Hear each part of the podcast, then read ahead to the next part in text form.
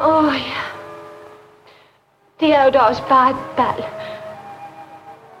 Det er som nok bare skrækkeligt, dumt og, og kedeligt og fuldstændig, fuldstændig vidunderligt.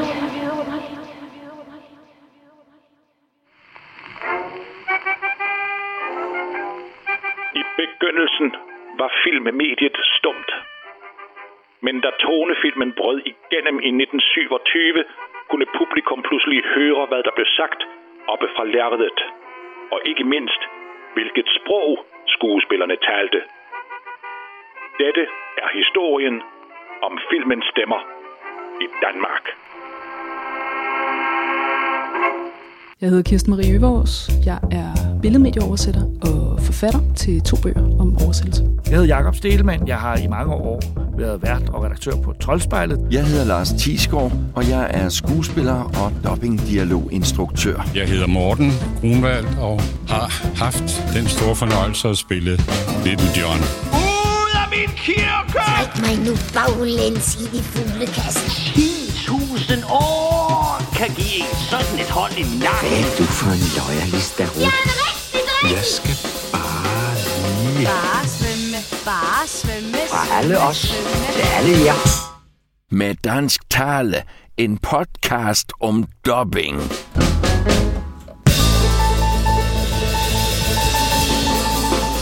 Med dansk tale. Med danske stemmer. Vi taler dansk. Alle taler dansk. Dubbing. Efter synkronisering. Revoicing. Uanset hvad du kalder det, så handler det om at erstatte stemmerne i de udenlandske film og tv-programmer med de danske. Velkommen til første afsnit af Med Dansk Tale, en podcast om kunsten at dobbe. Mit navn er Brian Iskov, jeg er tilrettelægger og vært på podcasten. Min baggrund er filmhistorie, filmjournalistik og animation. Så arbejder jeg også lidt som oversætter af fagbøger, som regel nogen, der har noget med film at gøre. Jeg har en medvært i studiet, Anders Vad Brun. Goddag. Det er jo ikke bare en interesse eller en hobby for dig, det der med eftersynkronisering eller dubbing. Nej, det er faktisk mit job. Jeg arbejder primært som oversætter af tegnefilm til dubbing, så jeg genererer de manus, som skuespilleren står med i studiet. Inden du begyndte på selv at oversætte dubbing-manus, hvor- hvordan var dit forhold så til, øh, til dubbing? Jeg er jo så fra en generation, som har haft, øh, ud over biograffilm, haft et, et ret povert udbud af tegnefilm. Det har været, så er der tegnefilm fredag aften, and that's it. Øh, og så måske lidt fra svensk tv, nu er jeg- er københavner. Jeg har ikke haft det, som barn haft det så nært. Jeg blev meget bevidst om det, da øh, anden generation eller tredje generation Disney-film kom med Den Lille Havfru, Aladdin osv., hvor jeg begyndte at se de originale film, og så lige blev bevidst om, hov, der er virkelig der er en forskel, og der er noget, et, spændende, et spændende område her. Og så begyndte jeg at blive interesseret i det. Ja, og det har også været lige det omkring, at, at der kom fokus på de danske, Netop, Øh, de, fik, ja, de danske versioneringer fik en masse ros. og de begyndte at vise både de danske og originale versioner Netop. i biografen. 10.000 år kan give en sådan et hold i nakken. Bliv lige hængende. Wow! Wow! Hvor er det skønt at være ude igen. Faktisk er det dejligt at være tilbage, mine damer og herrer. Dags, hvor er du fra? Hvad hedder du? Øh, øh, Aladdin? Aladdin, dag Aladdin. Godt, du kunne komme i aften. Må jeg kalde dig Al? Eller hvad med din? Eller hvad med Laddi? Det lyder som... Kom så, Laddi! Jeg slog vist hovedet hårdere, end jeg troede. Jamen, jeg, jeg er så fra Fyn, og der havde vi jo... Øh, jeg er jo barn af monopoltiden. Jeg er født i 76, så jeg Og voksede, jeg er født i i, 74. så jeg voksede op i 80'erne med øh, fire tv-kanaler. Danmarks Radio, Tysk TV1, Tysk TV2, Tysk TV3. Og øh, tyskerne, de dopper jo alt. Ja. Så jeg har faktisk været vant til at, at se James Bond på tysk, og øh, Dødens Skab, der Weisse Hej, og Wer sind? Mein Name ist Bond. James Bond. Og jeg kan også huske, at da vi fik, øh, min familie fik en, en VHS-afspiller, en, en videomaskine i øh, 1984, der har været lige omkring 8 år.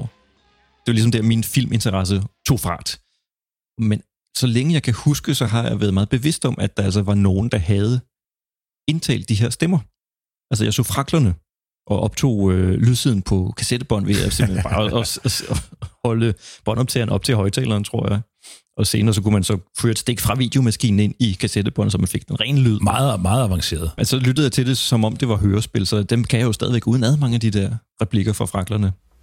Centrum i universet er naturligvis det fantastiske land, kendt som Frakland. Det, det kaldes sådan, skal I vide, fordi fraklerne bor der oraklerne er en ædelrace. Frygtløse, værdige, kloge og lærte. De repræsenterer toppen af civilisation og kultur. En frakkel er helt bestemt den bedste af alle mulige skabninger. Og jeg kan også huske, at øh, da jeg så lejede en video med Skipper Skræk-tegnefilm, skulle jeg genkende mange af stemmerne fra fraklerne. Og der tror jeg, der var et eller andet, der gik op for mig der. At det fakt, der faktisk sad nogle skuespillere der et sted, eller der var nogen, noget overlap. Ja, og det lå mig også meget på sinde at finde ud af, hvem det var, der indtalte Skipper Skræk, fordi ham kunne jeg ikke genkende. Det var så, fordi han ikke var med i fraklerne, og han var jo helt ny som skuespiller på tidspunkt. Det, det fandt sig ud af, at det var Søren Østergaard, der var Skipper Skræk. Altså, jeg, jeg har fået det, haft det meget præsent lige fra barndom af, og, og det er min tese, at dubbing, og især god dubbing, det er noget, som ligger dybt i mange af os. Jeg tror, der er mange, der kan citere Disneys juleshow. For jamen, eksempel. jamen, som et eksempel, så, nu sagde jeg jo så før, at vi havde, øh, vi havde svensk tv i stedet for. Vi sige, vi havde den luksus, at vi kunne se Disneys juleshow to dage i træk uh. øh, på svensk første juledag. Øh, og så nogle gange så blev det også genudsendt anden juledag. Og de havde en lille smule variation i forhold til den danske. For eksempel havde de den med tyren Ferdinand. Den var altid med i det svenske juleshow. Og den var ikke med i det danske, da jeg var lille. Så min Ferdinand, han dofter på blommerne. For han taler svensk. Alla de andra små tjurarna som fanns där sprang alltid omkring och hoppade och stångades. Men det gjorde inte Ferdinand. Han hade sitt eget favoritställe ute på ängen under en korkek. Och där satt han lugnt och stilla i skuggan hela dagarna och luktade på blommorna. Og sådan er det bare, når jeg ser Ferdinand, så har jeg svensk, svensk klang i hovedet. Men alligevel, til trods for, at vi har de her oplevelser, så er dubbing noget, som mange ser lidt ned på, fornemmer jeg. Det er ikke noget, som rigtig bliver taget seriøst som, som fag af andre end dem, der selv laver det. Og selv det kan man nogle gange blive lidt i tvivl om, fordi der er jo også rigtig meget dårlig dubbing derude. Det er blevet lidt et stedbarn. Øh, det, jeg tror ikke, der er, der er ikke mere dårlig dubbing, end der er dårligt alt muligt andet. Det er bare meget synligt, når det er dårligt. Ja. Det paradoxale ved dubbing er jo, at i det øjeblik, man ser en animationsfilm og overhovedet ikke spekulerer på, at den ikke er dobbelt, så er vi lykkedes. I det øjeblik, man sidder med sådan en, ah, det er ligesom om stemmerne ikke rammer mig, eller øh, en eller anden irritation, så, så er der egentlig måske en problematik i det, hvor vi måske ikke har løst opgaven optimalt. Så på en måde er det et, sådan et usynligt arbejde, som mange måske heller ikke engang tænker over. Lars Tisgaard, han er jo en af vores øh, mest erfarne dubbingskuespillere og dialoginstruktører, og øh, han var jo lidt inde på, at folk ikke rigtig tænker over det her med dubbing, selvom det er jo noget, der bliver mere og mere udbredt. Der kommer mere og mere af det, i takt med, at Ultra rammer genre, og, og der kommer flere og flere animationsfilm biograferne. Vi, vi hører flere og flere danske stemmer, men indtil for nylig var der jo slet ikke nogen database, hvor man kunne slå op og undersøge, hvem har egentlig lagt stemme til den her figur i den her serie eller film. Det er der så kommet nu, den der hedder Danske Filmstemmer. Men altså, de lokale skuespillere, de står heller ikke registreret på IMDb, at de har Nej, nej, dobbelt nej, de her nej. roller, og nogle gange står de ikke engang på selve filmen, hvis man har en eller anden gammel video eller DVD. Det er ikke altid, man, der, de, de gider nævne, hvem der har lavet det. Jeg har også lidt fornemmelse af, at der er mange, især på de lidt ældre produktioner, og lidt, lidt mere lavstatusproduktioner, vi skal kalde det. Der er nogle rettigheder, der er røget lidt, øh, der er forsvundet lidt i tågene. Skuespillere, der har indtalt, og så er, der blevet, så er det blevet genudgivet på video, og de skuespillere har nok aldrig fået efter honorar for det. Det, det er bare glemt. Jakob Stelemann bliver fast gæst i podcasten, og han synes også, at dubbing har haft en lidt stedmoderlig behandling i den danske mediehistorie.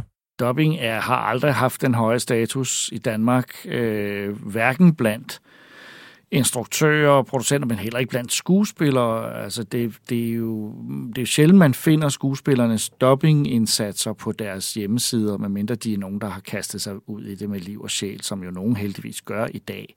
Øh, men du finder det jo ikke på den, de sådan, traditionelle skuespillere. Hvis de har lavet en 3-4 ting, så står det der generelt ikke, og det er ikke noget, de, de gør noget ud af. Og registreringen af dubbing-skuespillere i Danmark har været meget dårlig. Altså det, det, det er jo, vi har jo på DR indimellem simpelthen problemer med indimellem at finde ud af, hvem der har dobbet en serie. Hvis vi køber en serie, som måske er 20 år gammel, Smølferne for eksempel, der var det svært at finde, finde alle navnene på dem, der havde dobbet, fordi det var der sådan ikke det, det stod ikke rigtig nogen steder.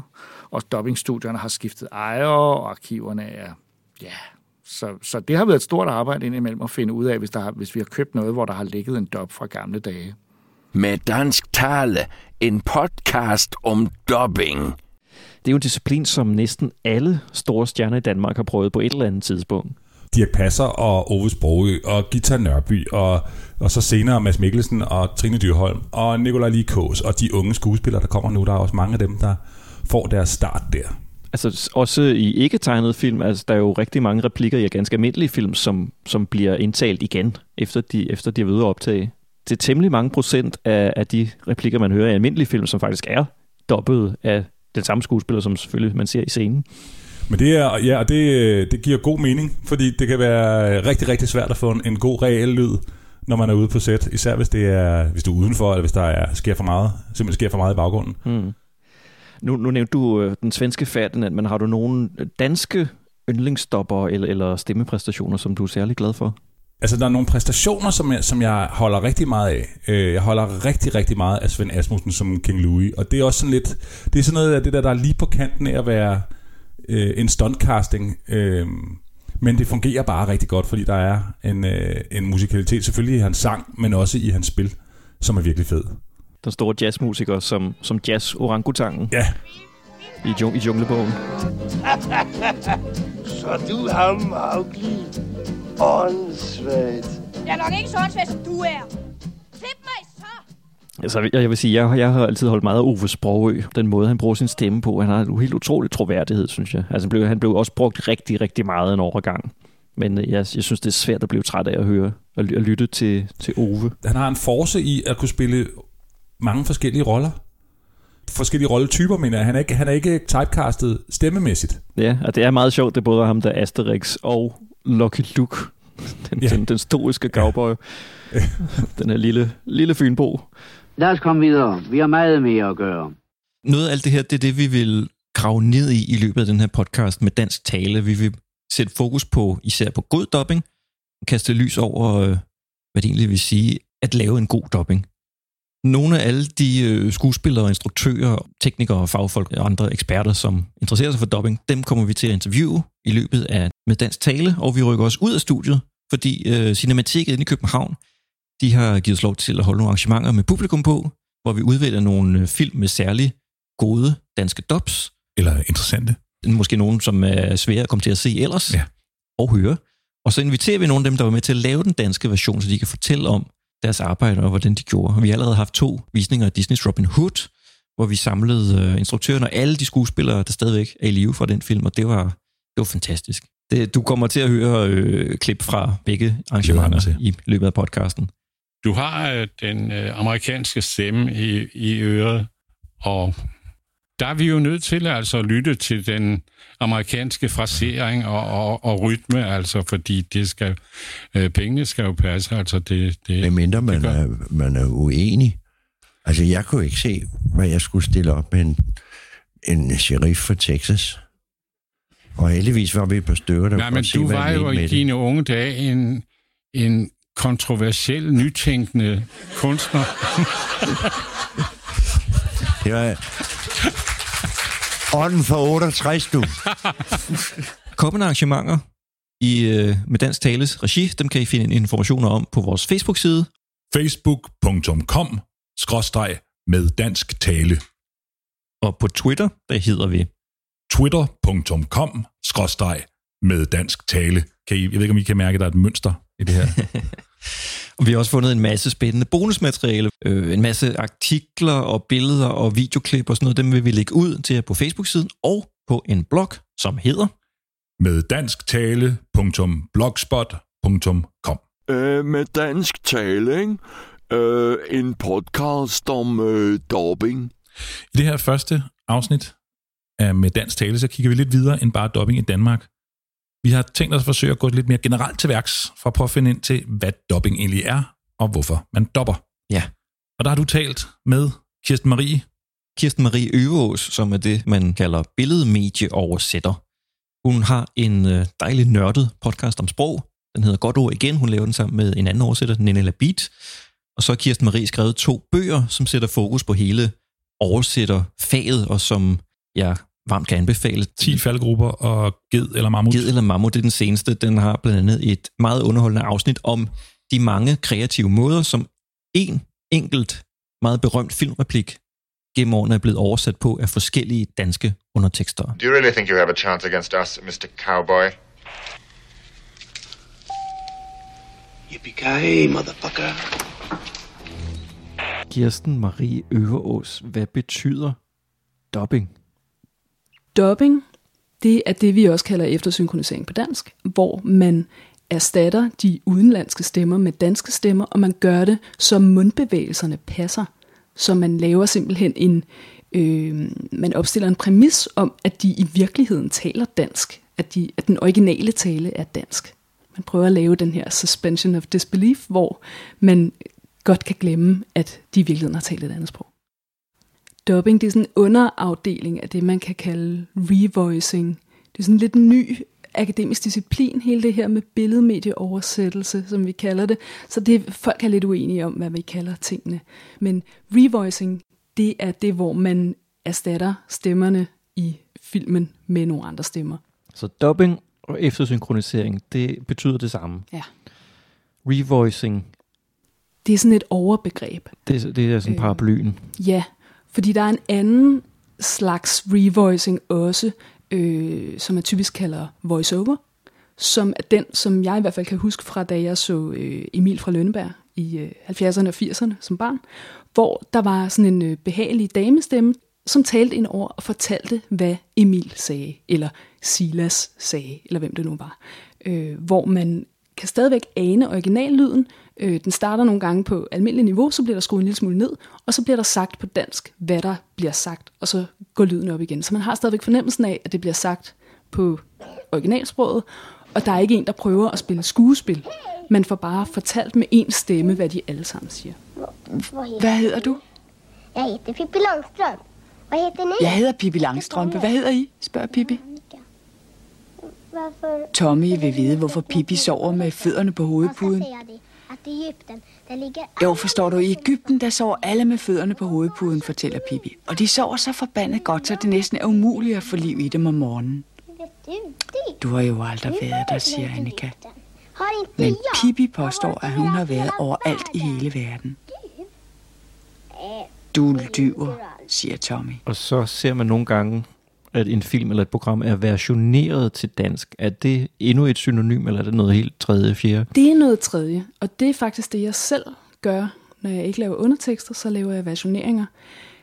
Det er sådan en helt underlig lille bitte afartsdisciplin, som man kun gør, når det er programmer, hvor der er en voice-over. Man ser aldrig personen i billedet. Øh, Det er typisk de her dyredokumentarer, hvor der bliver fortalt, at nu går gnuerne hen over Serengeti-sletten, eller hvad det nu er. Så erstatter vi den speak med en dansk speak. Jeg oversætter det, og så bliver det indtalt i et studie ude i DR-byen med en tekniker, og så bliver det passet til klippene og hvordan musikken er lige der. Og der er også en vis grad af kulturel tilpasning. Altså når jeg oversætter det, hvis det er sådan meget, meget storladen, så toner jeg det tit lidt ned, fordi de danske seere synes, at det er lidt ulækkert, når amerikanerne giver den gas med alle violinerne. Ikke? Og hvis der er nogen i billedet, der taler, der fortæller, I've been uh, researching uh, these animals for 40 years, så ser man dem sige det på engelsk, og så bliver det undertekstet. Så versionering, det er kun, når man oversætter speaken og erstatter den med en dansk speak. Rio Negro ligger i Brasilien. Floden, der er verdens største biflod, løber ud i Amazonfloden. Den hedder Rio Negro, den sorte flod, på grund af dens mørke vand. Her er det, som om tiden har stået stille. Floden har bevaret sin oprindelige flora og fauna. Og så er der jo flere slags revoicing. Og der er en, som jeg ikke ved så meget om. Og det er den, hvor øh, der for eksempel står en ved siden af biografladet og forklarer, hvad der foregår. Er det det, der hedder auditiv tekstning? Ja, præcis. Det ved jeg ikke så meget andet om, end at det foregår i Østen. Jeg tror, i Japan hedder det en, en banshee. 奴に貸してある相関状をつけるんだ。奴には重松と同じ目にあってもらう。言ってはダメ Så er der også sådan noget med øh, tegnsprogstolkning, live tegnsprogstolkning. Det er jo også en slags revoicing, bare stille, kan man sige. Så er der kommet sådan nogle nye ting inden for de sidste 10-15 år. Øh, der er både synstolkning, og der er øh, automatisk oplæsning af undertekster. det ligger sådan lidt i grænselandet mellem, mellem undertekstning og revoicing. Jeg er lidt stresset over, at Nora er sur på mig. Hun ser ikke sur ud, da hun kørte væk i et Aston Martin til 3 mille. Jeg sendte en mail til William fra Noras konto. Du sendte en mail fra Noras konto til William. Okay, hvad skrev du? Jeg skrev bare, Jeg skrev bare... jeg elsker dig, og hvis du elsker mig, så kom til Oslo. Jeg, jeg, Noget, noget af det mest øh, romantiske, jeg længe har hørt. det er en lille smule tavligt af mig at vælge det eksempel. Øh, DR's mandlige telesyntese er faktisk ret vellykket ja. for det meste. Den, den kvindelige halter en del. Ja. ja, nu fik vi i hvert fald styr på begreberne ja. sammen med Kirsten Marie. Men øh, altså, man kan jo bearbejde en film eller øh, noget tv til andet sprog på mange måder. Altså, der er jo for eksempel en, der er jo ekstremt kendt, som er simpelthen at genindspille det. Altså, man laver en helt ny produktion, men bare... Ja, et remake. Ja. Det altså, kender vi jo alle sammen fra, fra Hollywood, fordi det år, der giver de ikke læse undertekster eller doppe. Ja. Så de indspiller det bare med deres egne skuespillere, men det er jo noget, vi har brugt længe i Europa også, selvom det er måske gået lidt i glemmebogen. Mellem de skandinaviske lande, vi genindspillede rask væk hinandens film i ja. 40'erne og 50'erne. Ja, og tv-serie i 90'erne øh, med The Julekalender. Ja, som både kom på norsk og finsk. Ja. Er blevet genindspillet i begge de to lande. I øvrigt i de samme kulisser. Olof! Jeg står inde under misteltræen. Hvad? Jeg står... Åh, oh, hvad laver du? Jeg står her hen under misteltræen. Ja, jeg er lige ved at puste gris op af, og det er bare dejligt. Olof! Jeg står under misteltræen. Olof! Hva? Hva gjør du? Jeg står under misteltræen. Uh, nei, jeg skal akkurat til å få blesset ut belgen. Det er bare lekkert. Olli, minä olen Misteli Noksanalla. Mitä? Minä olen Misteli Noksanalla. Minä olen Anakontallani. Seikkaussaletti. Der er flere Dirk Passer-film fra 60'erne, som er genindspillet efter norske forlæg. Okay. Øh, Støv på hjernen og Bussen, de er begge to oprindeligt norske. Øh, Margrethe Viby tog til Sverige flere gange og genindspillede sin danske hits på svensk. Altså, som film. Øh, og så er der jo selvfølgelig øh, den norske Olsenbanden, hvor de jo Ja. tror, at det er en norsk opfindelse. Jøn, Jønsson. Jønsson Ligaen, det er Ja. Sverige. De har også rigtigt, ja. Olsenbanden. Ja. Men nordmændene er, er overbevist om, at de kom først.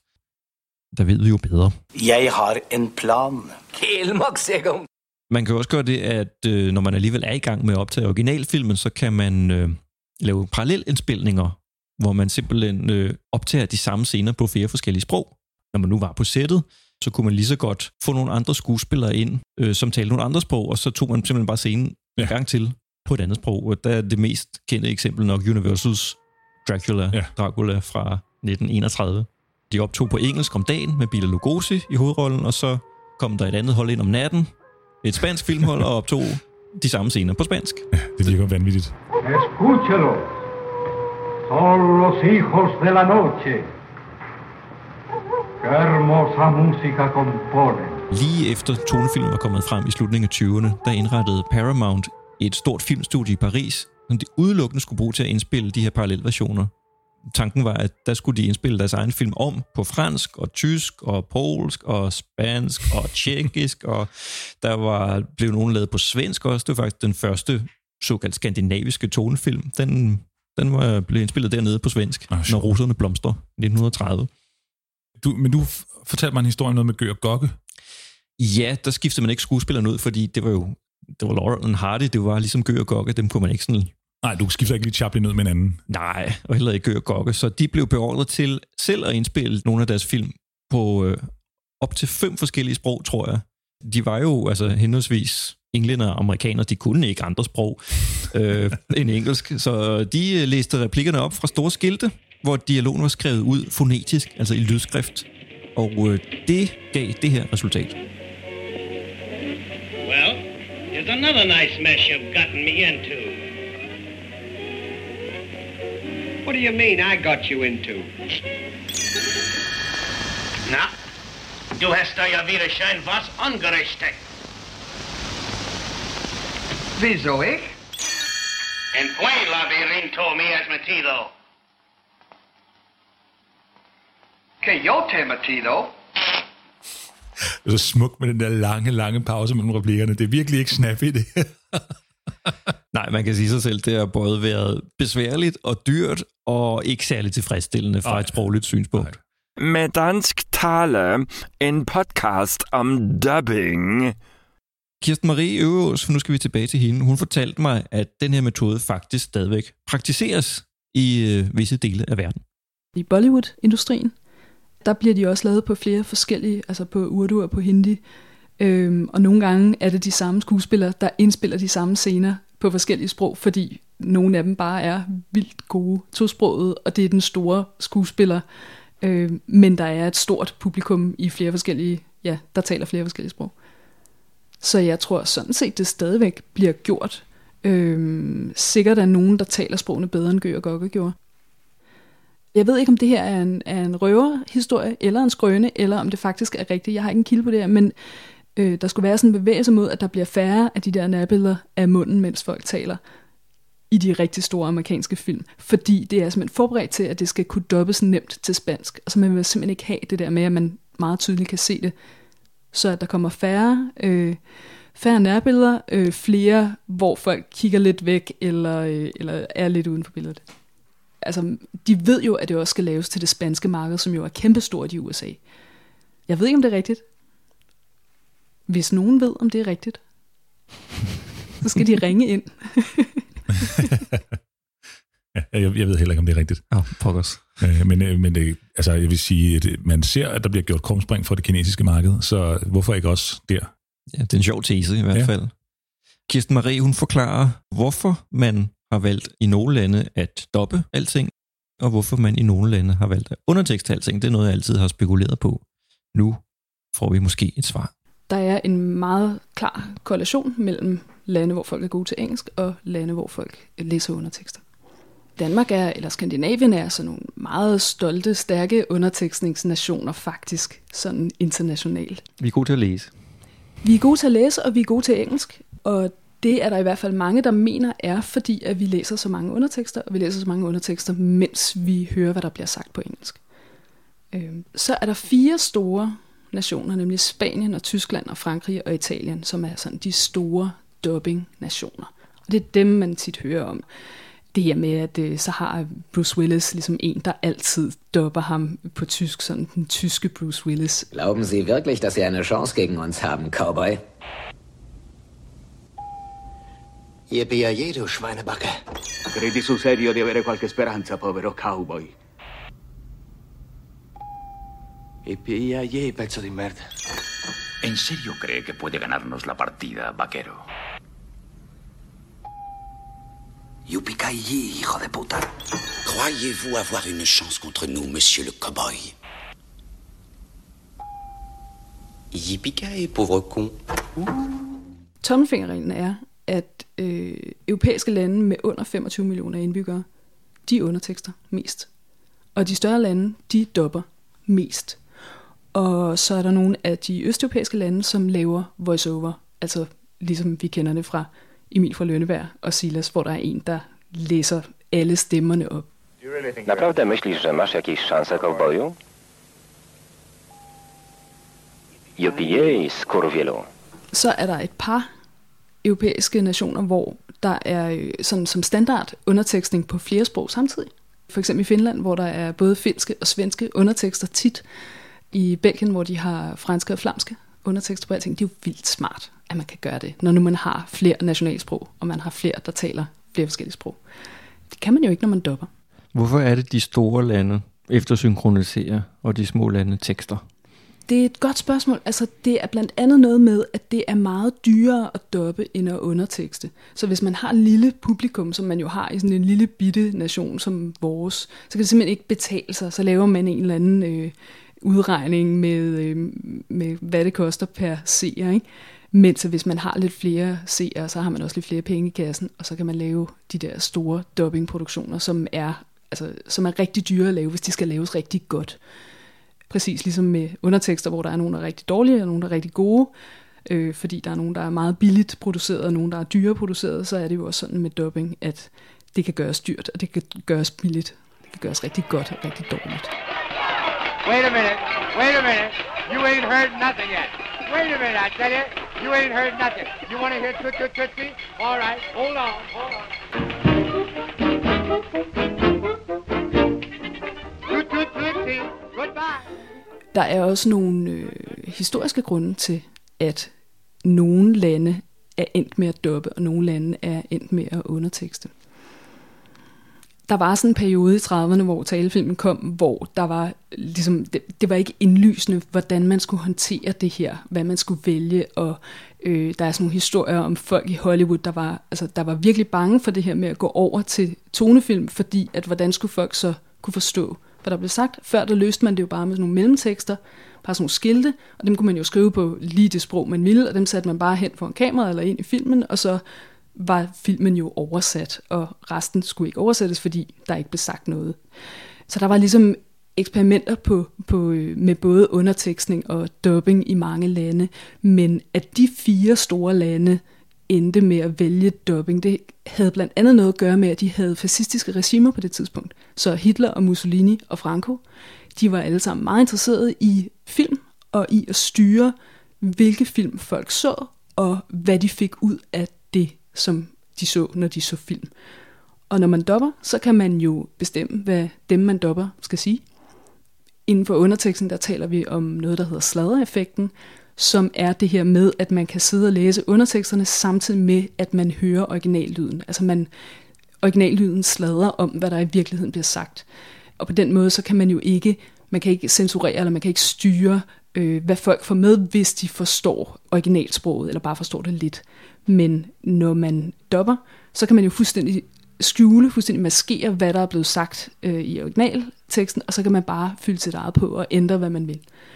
Så derfor endte Italien og Spanien og Tyskland øh, som dobbingnationer. Det havde i hvert fald noget med det at gøre. Og Frankrig kom med i den, også ud fra sådan nogle nationalistiske tanker om, at ville beskytte sit sprog, være bange for at have sådan en engelsk indflydelse, og være bange for, at folk udskiftede, altså en, en angst for anglicismer, ikke? Være bange for, at folk, at indflydelsen fra engelsk eller fra andre sprog ville være for stor, hvis man lod folk sidde og høre alle de her film på engelsk, mens de læste undertekster. Så hellere dub det på fransk, og så kan vi alle sammen høre vores smukke franske sprog. Og samtidig var der også en tendens til, at de dobbede altså deres egne skuespillere til at tale et pænere sprog i de lande der. Hvis folk talte med en eller anden dialekt, fordi de kom et eller andet sted fra, så blev de dobbet til øh, pænt ris fransk, eller hvad det nu var for et sprog. Tyskland og Frankrig for eksempel havde jo selv en stor lokal filmproduktion. Mm. Og der har man måske været nervøs for konkurrencen, hvis man nu kom med film på andre sprog, om ja. folk så overhovedet ville gide at se dem. Ja, helt klart. Og der har været sådan en, altså i hvert fald fra, fra Hitler og Mussolini og Frankos side, der har været sådan en, en politik om, at vi skal ikke vise udenlandske film for meget. Øh, Jeg tror, decideret Mussolini indførte, at, man, at alle film skulle være på italiensk ja. i, i biograferne. Ja, og Hitler havde også en, en kvote for, hvor meget få udenlandske film, der måtte vises i forhold til tyske film. Øh, og det var jo også det, det skete også i, øh, i Østblokken over, under den kolde krig, at man ville ikke have, at folk ligesom så, hvordan der var øh, på den anden side af muren eller øh, ude i verden, fordi at vores land er det bedste, eller vores måde at gøre ting på er den bedste. Oh, med dansk tale, det er øh, en podcast om dubbing. Vi kan så også tilføje, at i 1931, der var 21,6 procent af den italienske befolkning analfabeter. Det sætter selvfølgelig også en, en begrænsning for, underteksten. Der er en, en lille sjov detalje der, som man måske lige kan tage med. Øhm, man kalder det for FIGS-landene. France, Italy, Germany, Spain. FIGS. FIGS. Øh, og Kirsten Marie siger det med de 25 millioner. Undtagelsen er England. De har ikke dobbet. Nej, det er rigtigt. Og de har ellers også haft en industri, der sagtens kunne have klaret det. Det er bare lidt sjovt.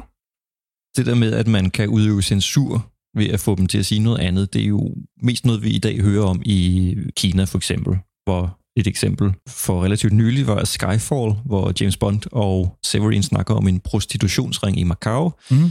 I, uh, I den kinesiske biografversion, der taler de om mafiaen i stedet for. Det er åbenbart mere i orden.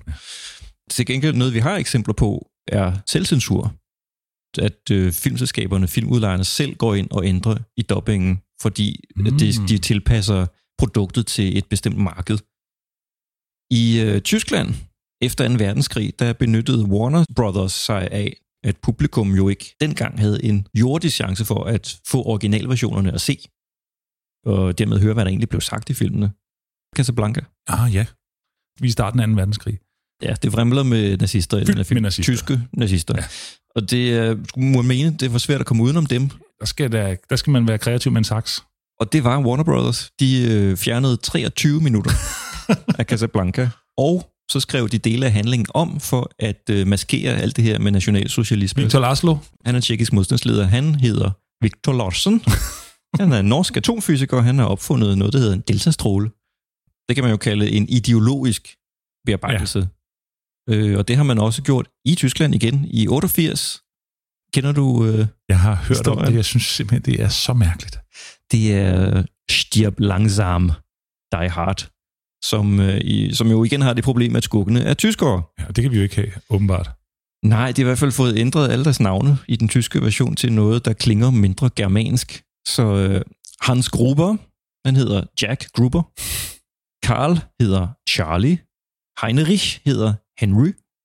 Fritz hedder Fred. Uli hedder Oliver, og det er sådan et sammenrend af, så vidt man kan fornemme, irere og italienere og sådan andet europæisk øh, godtkøbsfolk.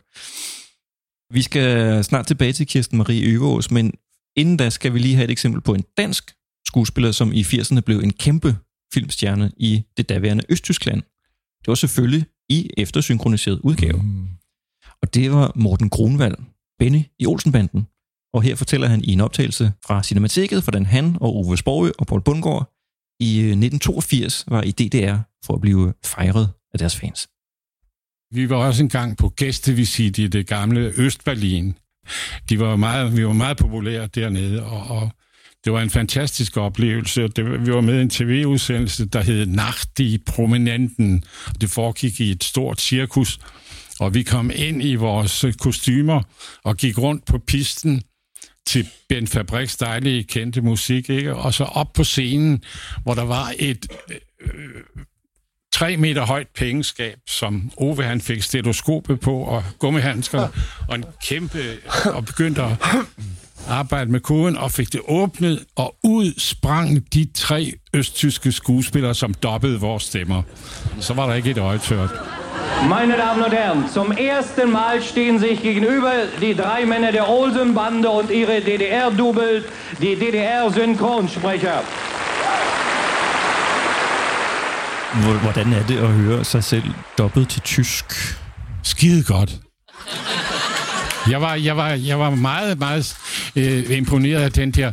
Jeg, jeg kom Ej. til at tænke på en historie med, med, med, med øh, min yndlingsskuespiller Peter O'Toole, der spillede den øh, legendariske Lawrence of Arabia. Og David Lean, han ville på et tidspunkt øh, lave en ny kopi, og der var nogle, øh, noget lyd, der skulle øh, også repareres lidt på. Så han var inde og gentage nogle af replikkerne, Peter O'Toole, og sad og så øh, og, og hørte på det, han havde lavet for, øh, der må have været 10-15 år efter, at de lavede den der.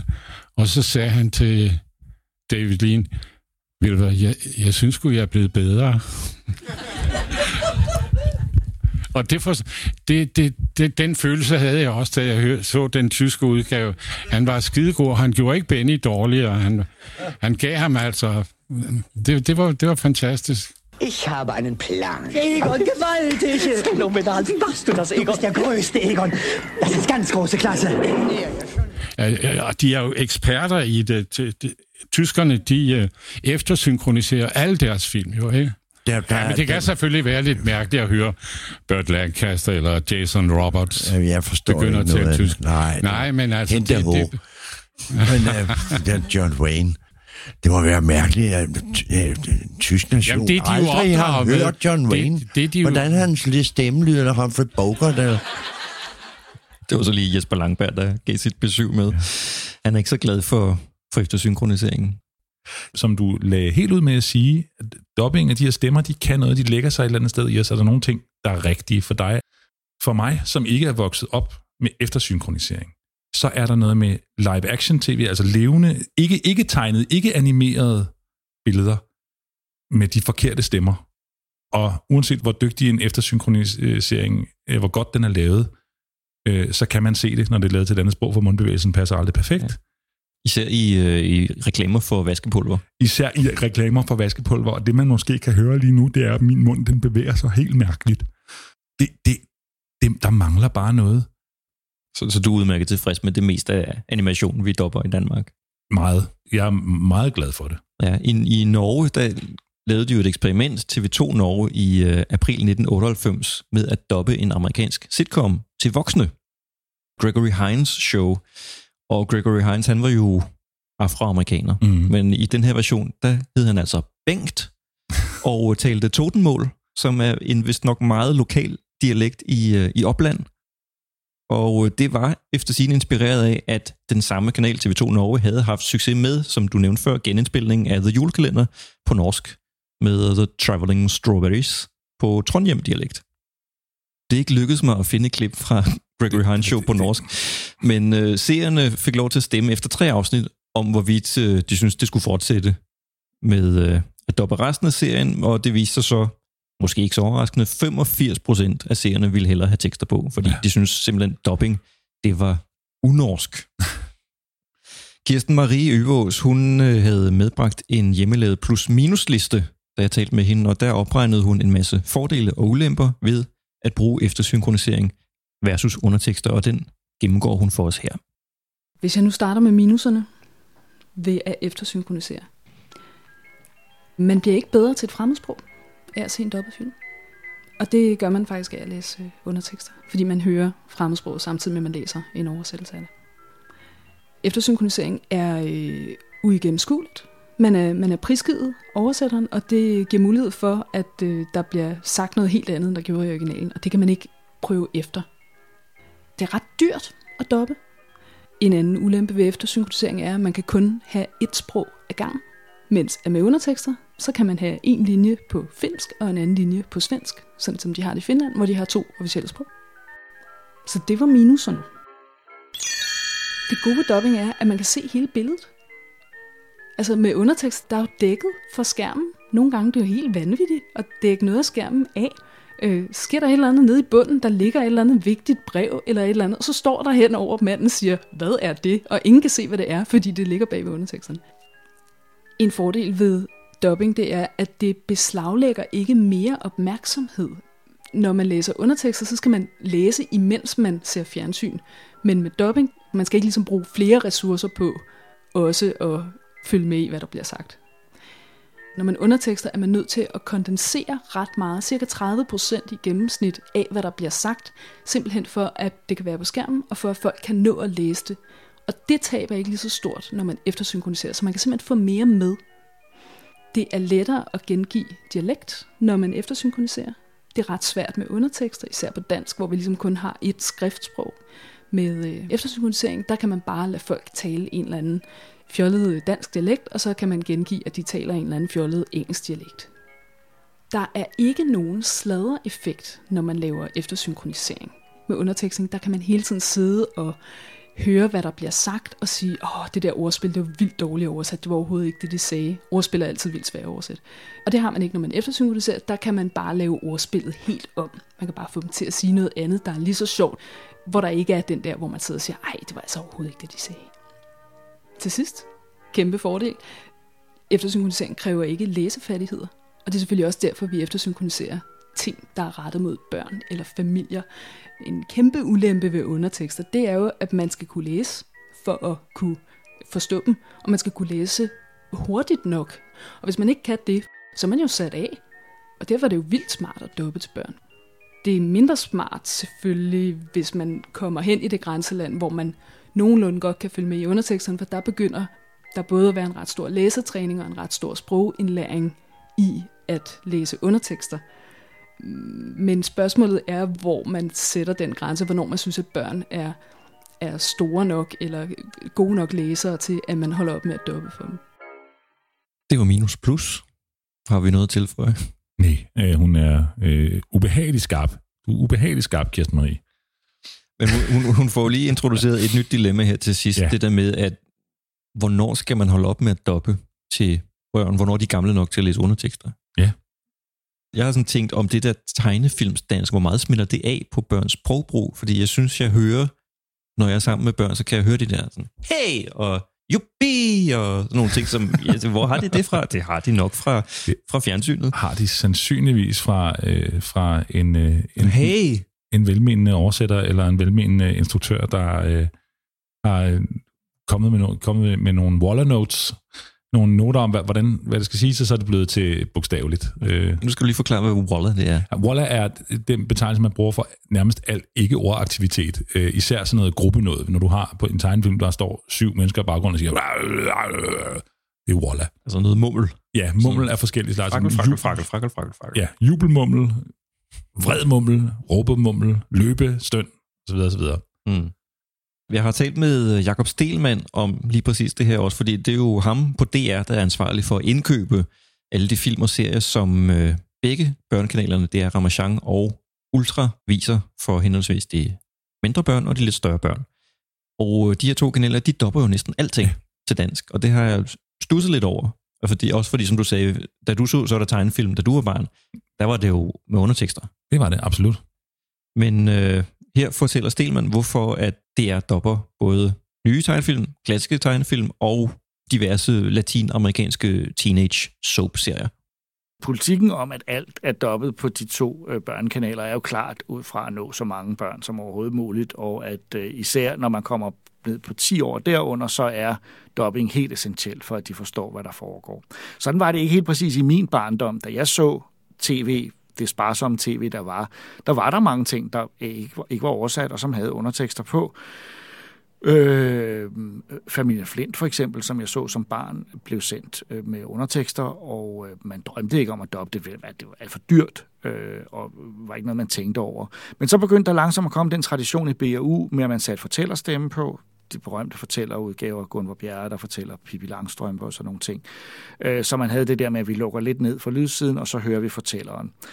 Det gør vi også nogle gange stadigvæk øh, med ting på, øh, på Ramachan og Ultra, og når, når, når det, vi viser Pippi Langstrømpe i den gamle serie, så er det stadigvæk i den version. Øh, men, men, men øh, tendensen har været, at børn øh, kvæg det udvalg, der i øvrigt er, forventer, at der tales dansk. Og man kan sige, at børn har jo heller ikke en idé om, at noget er fra et bestemt land. Øh, det har vi mere som voksne, når vi ser en film, at vurdere, altså, så er det en anden kultur, vi ser, mens mange af de serier, de, specielt de animerede serier, er jo, øh, hvad skal man sige, øh, de stammer jo ikke et bestemt sted fra. Altså postmand Per, jo, det er en engelsk, et engelsk postbud, men når han bliver omsat til Danmark, bliver han jo i lige så høj grad dansker. Øh, og det vi ser, altså ligesom også dybest set Anders And er dansker, når vi læser ham. Og jeg sammenholder det lidt med de, de oversættelser, der har været af, af Sonja Rendums oversættelse af Anders And Company, som, som bidrog meget til det danske sprog, og det mener jeg også, at nogle af de gode danske dubbing kan, og det mener jeg også, at, at vi har gjort en indsats for, at de skulle være så gode som muligt. Jeg synes, dubbingstudierne i dag er blevet væsentligt bedre til ikke bare at lave en en gold kopi af det amerikanske eller et andet sprog, der kommer ind, men at lave noget, der rent faktisk er dansk. Og det har været en svær opgave. Altså, der er jo sitcoms som ja, Hannah Montana, iCarly og nogle af de andre, som har været vanvittigt svære opgaver, og som nogle gange er løst godt, og nogle gange er løst dårligt. Det, det er en smagsag.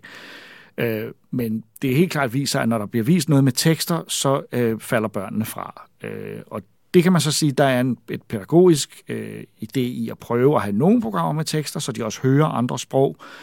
Øh, men lige præcis på de rene børnekanaler er det, er det svært at gøre det særlig tit, og det har ikke den ønskede effekt, for de ser det ikke. Øh, de ser jo så til gengæld alt andet øh, på alle andre kanaler øh, på, på engelsk eller på det sprog, de kommer fra, så man må forvente, at de hører det der, og det gør de også på YouTube. Men lige præcis på den rene, altså de kanaler, der er rettet mod børn, op til 10 år. Så kan man sige, at mellem 10 og 12 begynder der at ske noget, og børnene begynder at sige, jeg synes egentlig, det engelske er bedre. Og der er vi i et dilemma. Skal, hvad skal vi vælge? Og når serierne går højt, og film, spillefilmene går højt målgruppemæssigt, så vælger vi nogle gange ikke at doppe. Øh, men det viser sig ofte, at, at børn og familier har ikke noget mod at se en spillefilm dobbet sammen, øh, fordi det den karakter filmen er animeret eller fantasy eller andre. Det, øh, det, det har man vendet sig til, og det gør, at oplevelsen sammen kan blive, kan blive god, og at forældrene ikke skal læse teksterne op. Det overrasker mig lidt, at det er 10-12 år. Det er så sent. Ja, men, jeg, jeg tænker ja. også, at altså, børn i dag lærer jo tidligere og tidligere at tale og forstå fremmedsprog. Så de, de to ting strider lidt mod hinanden ja, ja, i mit hoved. Ja. Jakob har et uh, lidt ambivalent forhold, hvilket overraskede mig egentlig, til uh, det der, hele det der med mm. at lægge danske stemmer på udenlandske film jeg tror først, at det var, da jeg begyndte at interessere mig for dem, øh, som sådan i 7. og 8. klasse, da jeg begyndte at samle på film, og så gik ind i biografen og så øh, for eksempel juleshow i Metropol, hvor man viste kortfilm, og de var jo ikke dengang nogensinde eftersynkroniseret. Og så gik man ind og så Askepot og Lady og Vagabunden og nogle af klassikerne, og der begyndte jeg at hade det i første omgang, fordi jeg kunne pludselig købe klip fra filmene på Super 8, så jeg havde dem derhjemme, og det var selvfølgelig på amerikansk. Det var hele den kultur, øh, som, som de kom fra, og da jeg fandt ud af, at man, man animerer til stemmerne, øh, at det er jo en symbiose, den animerede figur og stemmen, øh, så, så kunne jeg slet ikke i første omgang acceptere det. Så jeg lagde afstand til det, og sagde, at jeg vil helst slet ikke se det, fordi jeg synes, det, det, øh, det ødelægger det hele. Og en ting, jeg lagde mærke til også, det er jo noget af det, der har ændret sig, og det var, at mixen var dårlig. Altså mixningen af stemmerne, de var lagt meget højere end i de amerikanske originaler. De amerikanske originaler var de tydeligvis mixet væsentligt mere ind i lydbilledet og med musikken. Men det var ligesom om, der var lagt en dyne over musik og effekter, og så kom de der stemmer, altså vil jeg sige 50 procent for højt ind i det. Sådan så når man sad i Metropol og så Torne Rose eller, eller en af de andre klassikere, så var det ligesom om det, det var for højt selv, hvis man hører, jeg synes, når man hører, ser Junglebogen, som hører har fremragende danske stemmer, når man hører nogle af sangene, så, så synes man, at musikken ligger lige en anelse for lavt i forhold til, til den måde, den spiller sammen med de amerikanske stemmer. Præcis som i, skulle man da kunne blive. Giv den gas, daddy! Bliv ligesom i, skulle vi da kunne blive. Ja! Præcis som i. Det var i hvert fald noget, der gik mig meget på. Øh, og næsten mere nogle gange, end det var på dansk, fordi jeg begyndte selvfølgelig også at kunne se, om der er altså nogle af dem, der er rigtig godt lavet. Junglebogen så jeg første gang som barn, og accepterede jo stemmerne fuldt ud. Og da jeg så så den måske 10 år senere, eller 5 år senere, som stor teenager og nu Disney-fan, så var jeg, kan jeg huske, det var en af dem, hvor jeg tænkte, at det skulle sgu meget godt. Altså, det lyder, han lyder sgu meget godt, øh, Kong Louis. Det er sgu ikke dårligt. Øh, men der var en stor del af mig, der sagde, at jeg, jeg var Disney-puritaner, og det er forbudt. Jakob Stelmann, han vender tilbage mange gange i løbet af podcasten med tale. Han er altid god.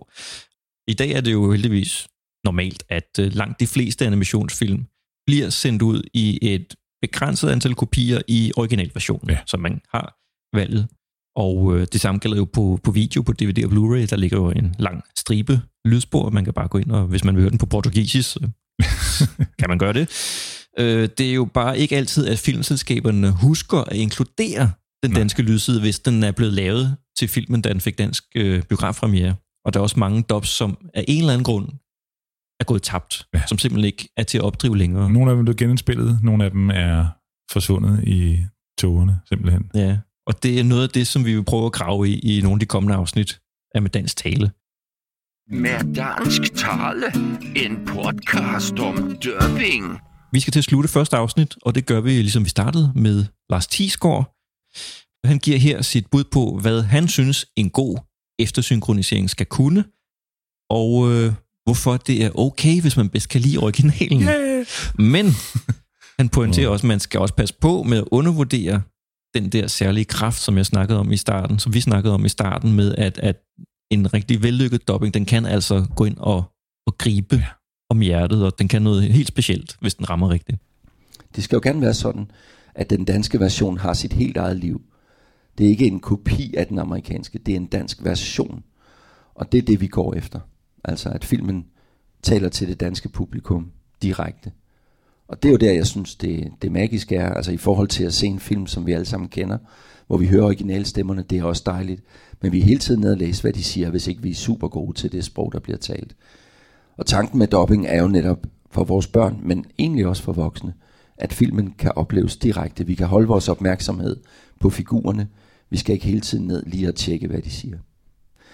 Men altså, der er ikke nogen her, der får mig til at sige, øh, du skal da altid se den danske. Jeg bilder mig ind, at vi med det vi gør med den danske, det vi skal gøre, det er jo, at vi på vores modersmål får formidlet øh, en film. Og hvis nogen sagde til mig, eller sagde til jer, I love you, det ved vi alle sammen, hvad det betyder. Øh, vi, vi, vi skal måske lige oversætte det, og så, når ja, det betyder. Og, og, og for mig, når, når det bliver sagt på dansk, så rammer det bare nogle andre steder, og det går mere direkte ind. I love you, jeg elsker dig. Man kan næsten mærke det. Jeg kan i hvert fald.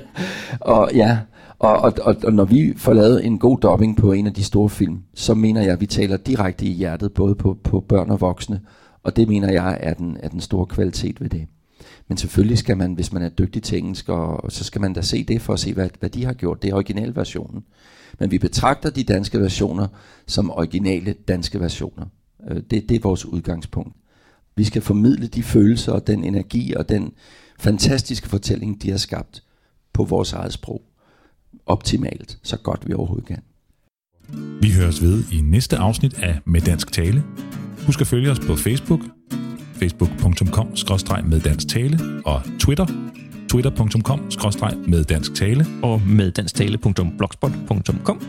Og på Facebook og Twitter kan I også komme med forslag til, hvilke citater fra danske eftersynkroniseringer I gerne vil høre i vores kommende jingler.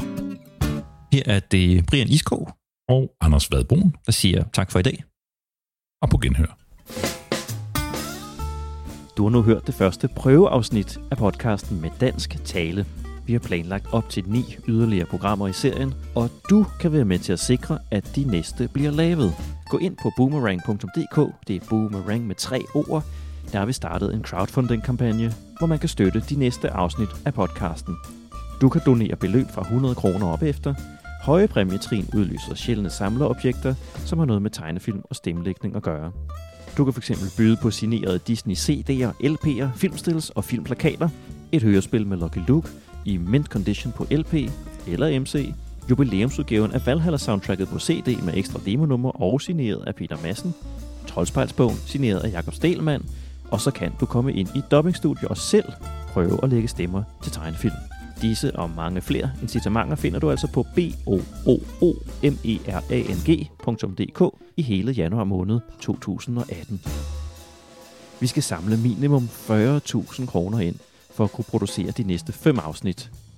Hvis det lykkes at skaffe et højere beløb, kan I se inde på boomerang.dk på mange flere afsnit, vi så laver. Vi håber, I vil støtte den gode kulturformidling og grundforskningen i det her emne. Del endelig kampagnen på de sociale medier, så vi kan nå ud til alle i Danmark, der elsker tegnefilm og gerne vil høre mere om stemmerne. På hjemmesiden med dansktale.blogspot.com kan du finde credits og ekstra materiale. Musikken er skrevet og indspillet af The Underscore Orchestra, benyttet under Creative Commons licensen. Jinglerne er indtalt af Lars Tisgaard. Tak til Dansk Skuespillerforbund og Danske Filminstruktører og andre, som har støttet dette første afsnit af Med Dansk Tale. Lige om lidt kan du høre mere om, hvad du kan vente dig i de kommende afsnit.